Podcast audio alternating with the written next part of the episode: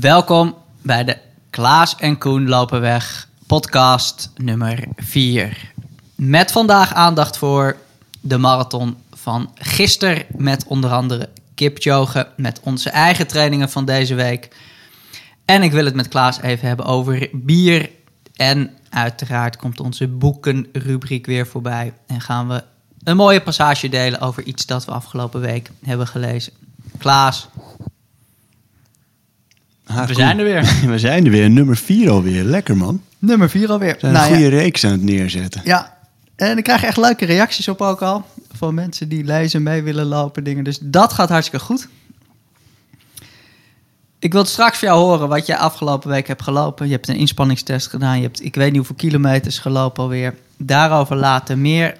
Eerst even gisteren, die marathon. Ja, wat een eh, gekke, eh, surreële toestand dat was. Op zo'n, eh, op een, een, vliegveld, hè, vliegbasis Twente. Dus geen, nergens iets van een herkenningspunt of, of eh, hè, geen gebouwen, geen mensen langs de kant. En, en daar lopen dan mensen hun, hun rondjes. En ik heb sinds ik zelf hardloop, kan ik ademloos naar zoiets kijken. Puur om te zien eh, hoe, hoe zij de kilometers aftikken en wat voor een idiote snelheid dat is. En, eh, en ik kan ook, ik wilde uren naar Kipchoge kijken, maar dat is meestal precies twee uur. Zolang als je naar hem kijkt. Maar hoe, hoe, hoe mooi hij loopt en, en, en ehm, ja, hoe effortless het lijkt te gaan.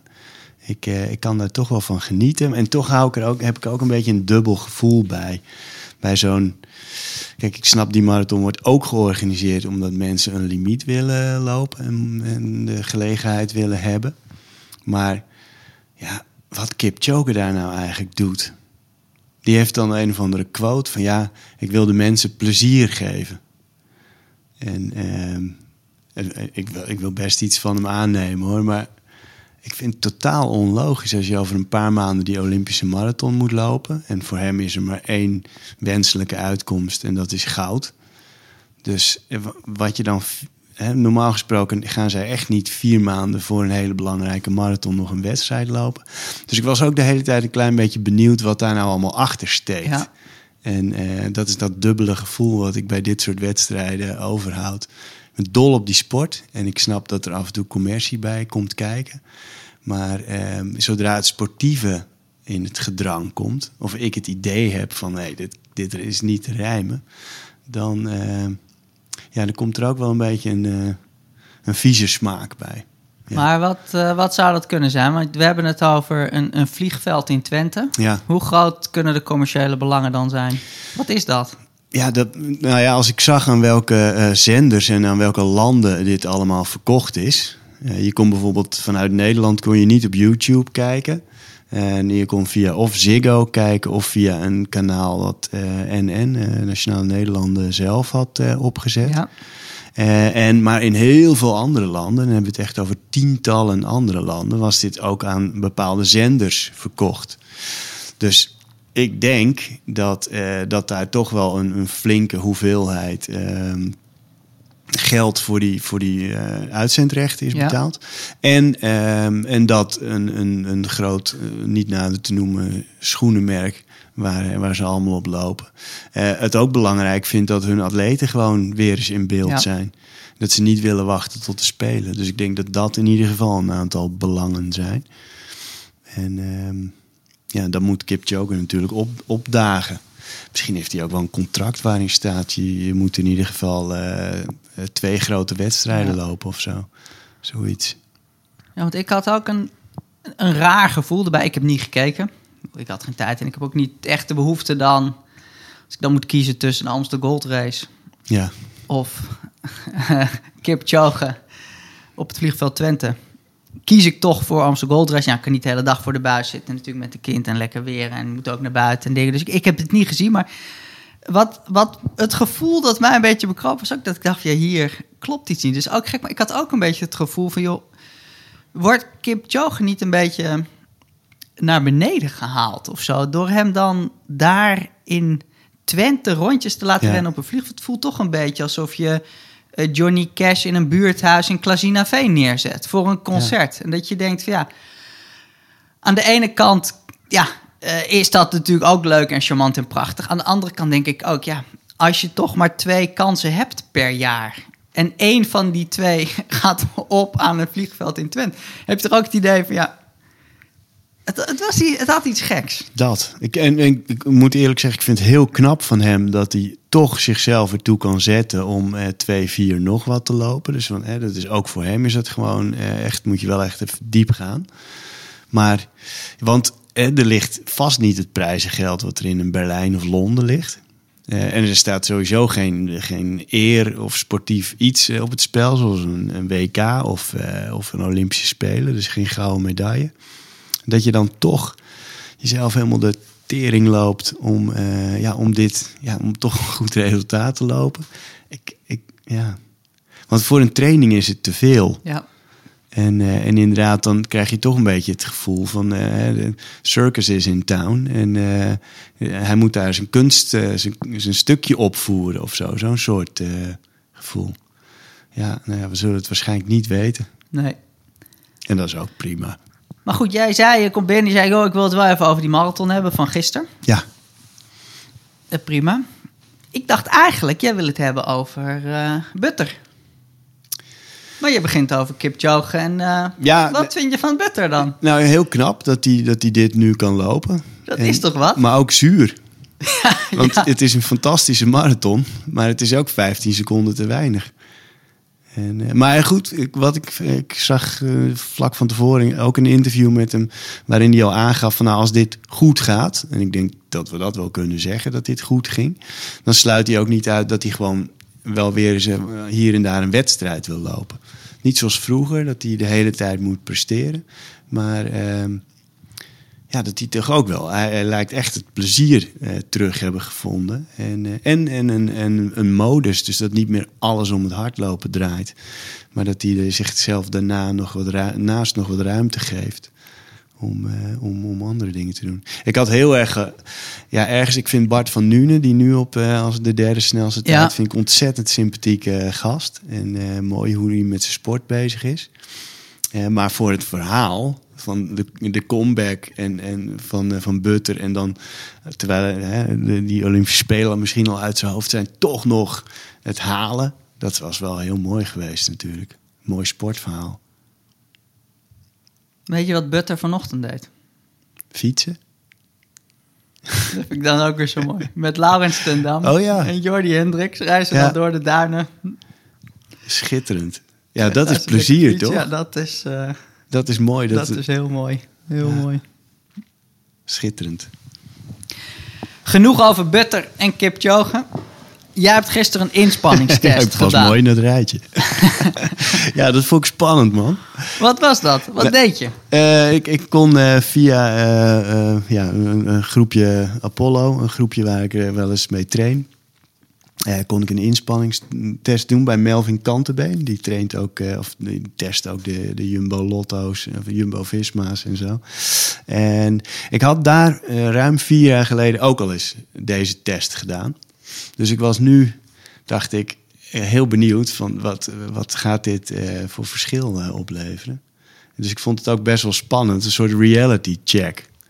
En in mijn hoofd was het alsof, en straks komt hij eruit, dat die, die resultaten aangeeft van Klaas, alles leuk en aardig, maar jij gaat nooit meer een, een marathon onder de drie uur lopen. Daar was ik een beetje bang voor.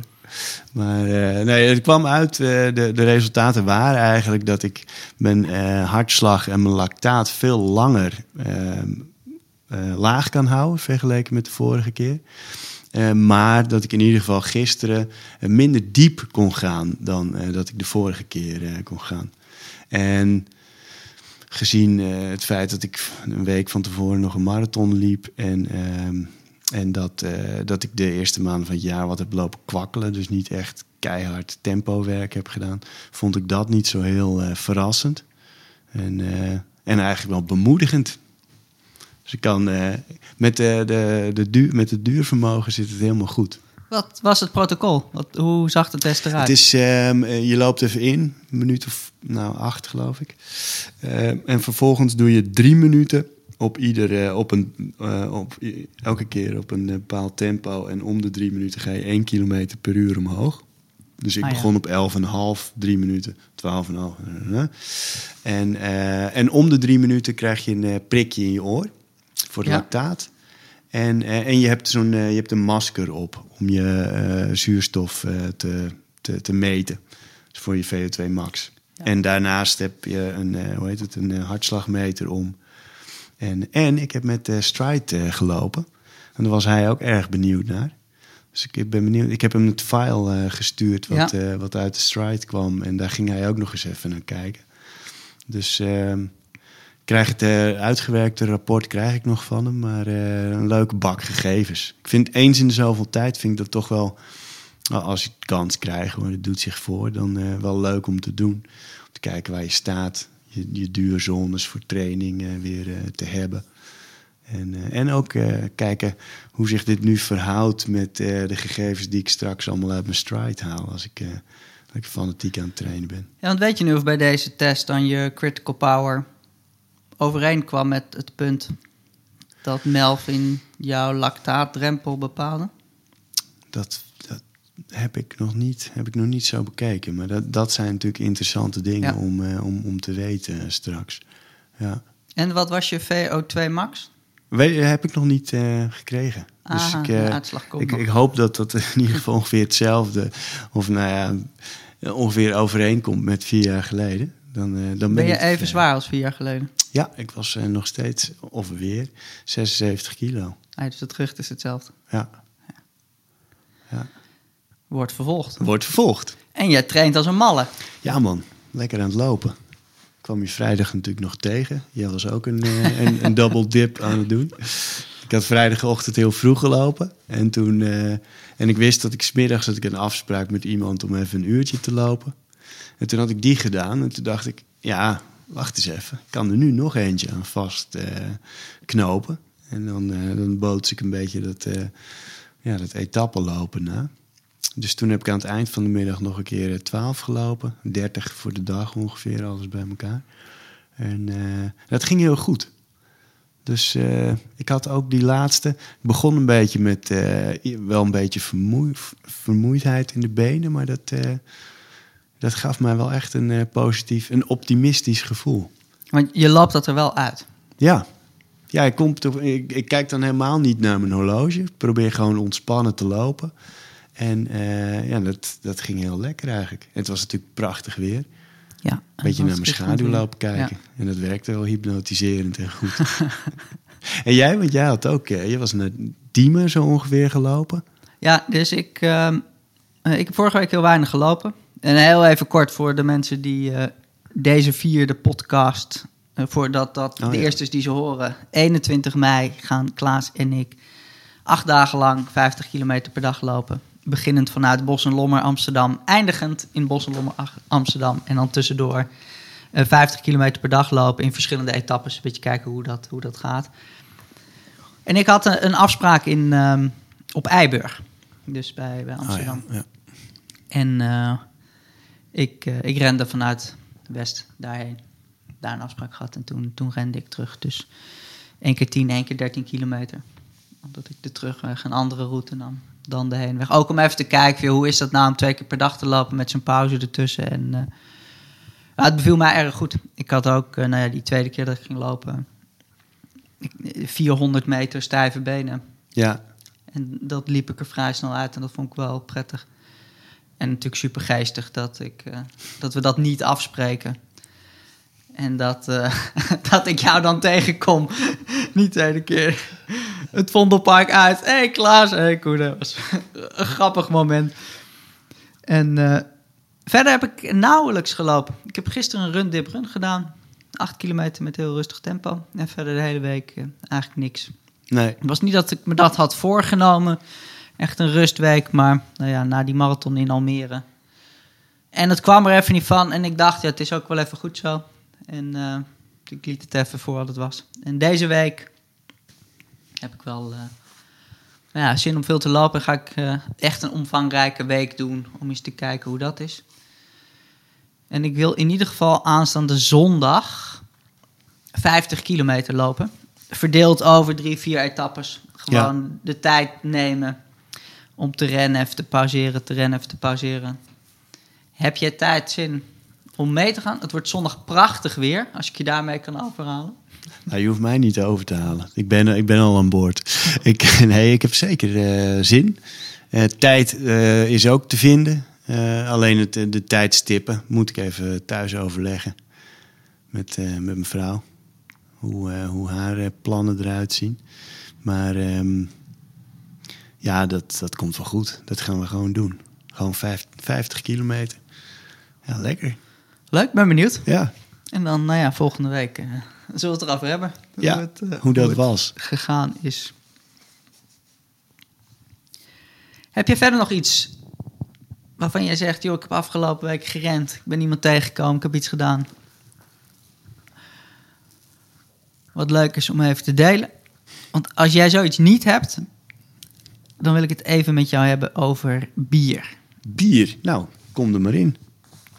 Want uh, wij hebben afgesproken met Marco van de Two Rivers Marathon. Om tijdens onze uh, run, om eerst naar Zaltbommel te rennen, om daar dan s'nachts uh, de marathon te lopen. De Two Rivers Marathon van, van Zaltbommel. Langs de Maas en de Waal. En Marco die stuurde ons een mail met nogal enthousiasmerende tekst om vooral inderdaad de nachtloop mee te doen. En we beginnen om twee uur s'nachts midden in het donker. En uh, hij zei, joh, uh, we lopen op dat tijdstip, maar bij de finish staat coronaproof wel bier en braai voor jullie klaar. En nou ja, goed, ik weet natuurlijk dat jij geheel onthouden bent, dus dat hij jou met bier niet kan paaien. En ik weet dat jij veganistisch eet, dus dat je ook met braai niet te paaien bent. Ik, ik wist niet precies wat het was, maar volgens mij is het een soort Zuid-Afrikaans barbecue. Ja, of, precies, barbecue, ja. Ik had in van de associatie met vlees. Ja, Zuid-Afrikanen gooien geen gegrilde groenten erop. en toen moest ik denken aan een, een, een leester van, van Mystical Miles. Van dat nieuwe magazine dat we gemaakt hebben. En ik heb hem hier even opengeklapt op mijn, op mijn laptop staan. En toen ik haar mail zag, toen moest ik denken ook aan, aan jou. En ik, ik ben wel benieuwd hoe jij dat ervaart. Want ik zal haar naam niet noemen, want ik heb niet aan haar gevraagd of ze het goed vond. Maar anoniem, maar mm -hmm. het is wel gewoon iemand die dit, die dit stuurde. Die schreef het volgende. Met veel interesse keek ik uit naar het eerste nummer van Mystical Miles. Ik hou van hardlopen en van de verhalen erachter. En dat er een tijdschrift hiervoor is, juich ik zeker toe. Waar ik van geschrokken ben, na het lezen van het eerste nummer, is de hoeveelheid verwijzingen naar alcohol in het blad. In vrijwel elk artikel gaat het er in meer of mindere mate over. Zelf ben ik geheel onthouder. Alcohol spreekt in mijn leven totaal geen rol bij gezelligheid en zeer zeker ook niet in relatie tot hardlopen. Die link snap ik niet. Het doet voor mij ook heel erg af aan de kwaliteit van de artikelen. Kennelijk moet een hardloopverhaal altijd alcohol bevatten. Is daar een reden voor? Het zet mij namelijk heel erg aan het twijfelen of ik het blad vaker wil lezen als dit de boventoon blijft voeren. En nou ja, bij haar was dat dus echt het verkeerde keelgat. Hmm. En ik heb zelf op een gegeven moment de, de slogan voor Mr. Maas... voor mensen die liever een biertje drinken dan een eiwitshake. En voor mij is dat helemaal niet een aanmoediging om te drinken. Voor mij is dat net zo ontwisselbaar als homeopathisch ontgiftende kruidenthee drinken. Maar het is om iets een metafoor of een gevoel mee te geven, is het, is het vaak een makkelijk middel. Ja. Is dat voor jou, doet dat afbreuk? Is dat complex? Is dat ingewikkeld? Gaat dat langs jou heen? Hoe is dat voor jou op het moment dat die verwijzingen naar bier en mensen je daarmee proberen bij evenementen te krijgen? Ja. Doet dat wat bij jou? Um, een stuk minder dan toen ik net gestopt met drinken was. Um, maar ja, kijk, ik, ik, ik verzet mij wel tegen de gedachte dat uh, de echte ontspanning, want zo wordt natuurlijk bier en alcohol gemarket in onze maatschappij, de, de echte ontspanning, het echte vieren, kan pas plaatsvinden als er een fles open gaat. En ehm, ik heb zelf moeten leren, want zo dacht ik er exact over. Bij mij kwam daar nog verslaving bij kijken, maar goed, zo dacht ik er ook over. Eh, om ehm, het moment, het feestelijke te laten zijn. In plaats van de daarbij behorende consumptie. En, ehm, maar ja, ik, ik, ik, ik, ben, ik ben wel. Ik, ik deel niet met haar uh, dat. Uh, ik, want dat het in elk verhaal zit, is, is mij in ieder geval niet, niet opgevallen. Was ook zeker niet waar. Maar dat is dus, nou ja, blijkbaar ja, het gevoel dat het bij haar loopt. Dat er wel ook nog een advertentie is met bier. Dus nou ja, zij ging daarop aan. Ja. Maar het is zeker niet zo dat dat in elk stuk nee. terugkwam. Nee, en dan, kijk, ik kan natuurlijk ook die, die, die, die uh, zoals het mailtje van Marco over bier en brei, kan het ook laten gaan, weet je wel. Ik hoef er niet iets van te zeggen. Maar uh, ja, dat, ja de, soms prikkelt me dat dan toch wel om even aan te geven van, hey, uh, I'm all for gezelligheid. Maar voor mij zonder, zonder bier of zonder, in mijn geval ook nog zonder vlees. voor sommige mensen ben ik echt het, het summum van van saaiheid wat dat betreft. en, uh, maar goed, weet je, ja, ieder zijn, ieder zijn, zijn meug. Uh, ik, ik hoop alleen wel eens dat als andere mensen zien dat, dat ik geniet drink, of die momenten ook heerlijk, zeg maar zo'n moment na een run, of als er iets, iets gezelligs, iets leuks is, dat ik daar ook van geniet en niet drink. En uh, dat, dat, ja, dat, dat je je ook kunt afvragen van, oh, dat kan dus ook. En um, ja, nee, kijk, de, de wereld zit, zit de, onze maatschappij zit zo in elkaar. Het is gewoon erg op consumptie gericht. En, uh, en in onze westerse samenleving ook gewoon best wel op, op drinken. En uh, ja, kijk, en, en, voor sommige lopers weet ik dat het ook een, een, eh, bepaald slaglopers uh, heeft dat als een soort ding van: kijk, wij zijn niet zo bezig met gezondheid, we lopen voor ons plezier en daarom drinken we ook bier. Dus als een soort rebels iets. Als je echt rebels wil zijn, dan drink je natuurlijk helemaal niet. dat is pas anders. Ja. Dus. Het zet me toch aan het denken op een bepaalde manier. Hm. Nou, maar. ja, nou, dat, dat, is, dat is altijd mooi, toch? Als iets je aan het denken zet. Maar uh, nou ja, het is. Kijk, dat sowieso met alcohol drinken in het algemeen. Als, uh, als het voor jou uh, een, een, bron van plezier is en, uh, en het leidt niet tot problemen. Je krijgt geen ruzie met je vrouw door of je komt niet in financiële of relationele problemen daardoor. Of je gaat niet achter het stuur zitten. Prima. En dan, dan, ja, dan, dan is het alleen maar iets positiefs.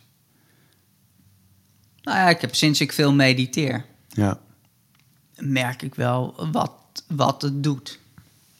In de zin van, joh, als ik in het nu mediteer en dan voelt dat 9 van de 10 keer gewoon verrukkelijk en ontspannen. Ja, geef me twee biertjes. En dat mediteren daarna, dat gaat waardeloos. Je, je hoofd schiet alle kanten op en je voelt. Ik bedoel, de, de kwaliteit van, van je slaap, van je gedachten, van je brein, van je dingen. Het, het heeft echt veel naweeën. Hmm.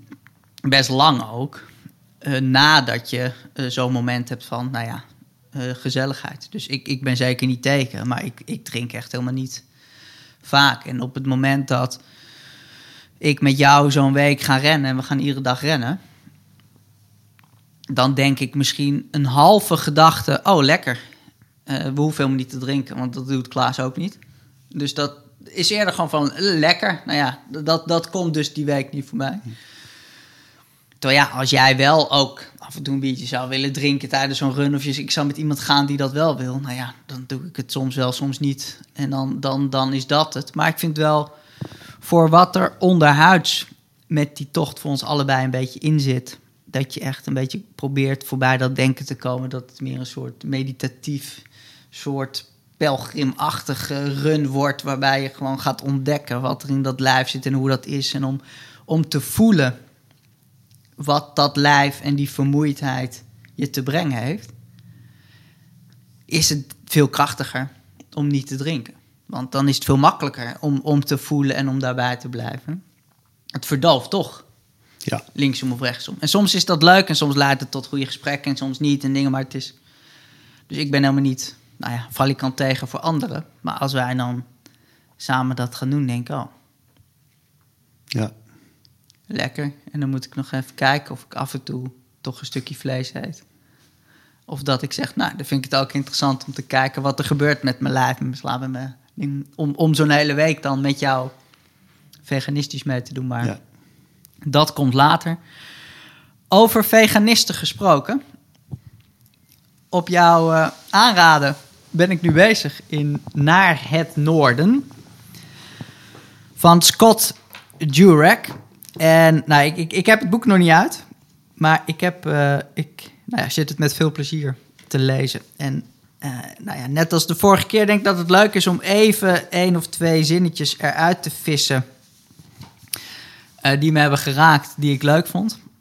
Eerst het, het stukje waarvan ik dacht, ja, dat lange rennen en die vermoeidheid. Hierom doen wij het ook. Dit gaan wij ook tegenkomen.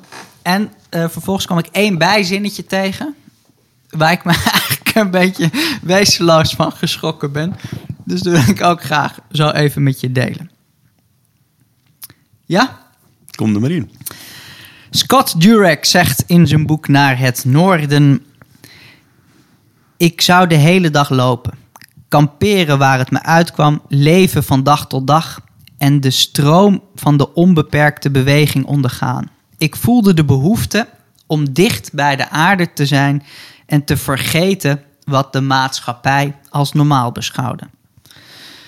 Soms gingen er uren en kilometers voorbij zonder dat we iets zeiden. Dat was niet nodig. We waren ondergedompeld in het ritme van onze passen en in de woestenij om ons heen. Zoals in de oude Taoïstische filosofie Wu Wei waren we doende zonder te doen. Vaak deden we ieder wat we zelf wilden, verzonken in onze eigen gedachten of gedachteloosheid. En dan schoot ons plotseling wat te binnen en begonnen we een gesprek. Alsof er geen tijd tussen had gezeten. Nou, hoe hij dat hier beschrijft, denk ik, ja. Vooral die, we waren doende zonder, te, doen. Ja, Dat is een mooi, hè? viel mij ook eh, ja, prachtig. Ja, dat, dat vind ik zo ongeveer misschien wel het hoogst haalbare. Ja. Weet je, er wordt natuurlijk nu veel, eh, misschien wel te onpas ook over eh, in het nu zijn gesproken. Maar ehm, ja, dat zijn toch de momenten waar je in een soort perfecte balans bent. Doende zonder te doen. En eh, gewoon ja, los, los van, het, van het denken. Of los van ik ben nu een activiteit aan het verrichten, maar gewoon zijn en in ons geval bewegen. Ja, prachtig. Mooi geformuleerd.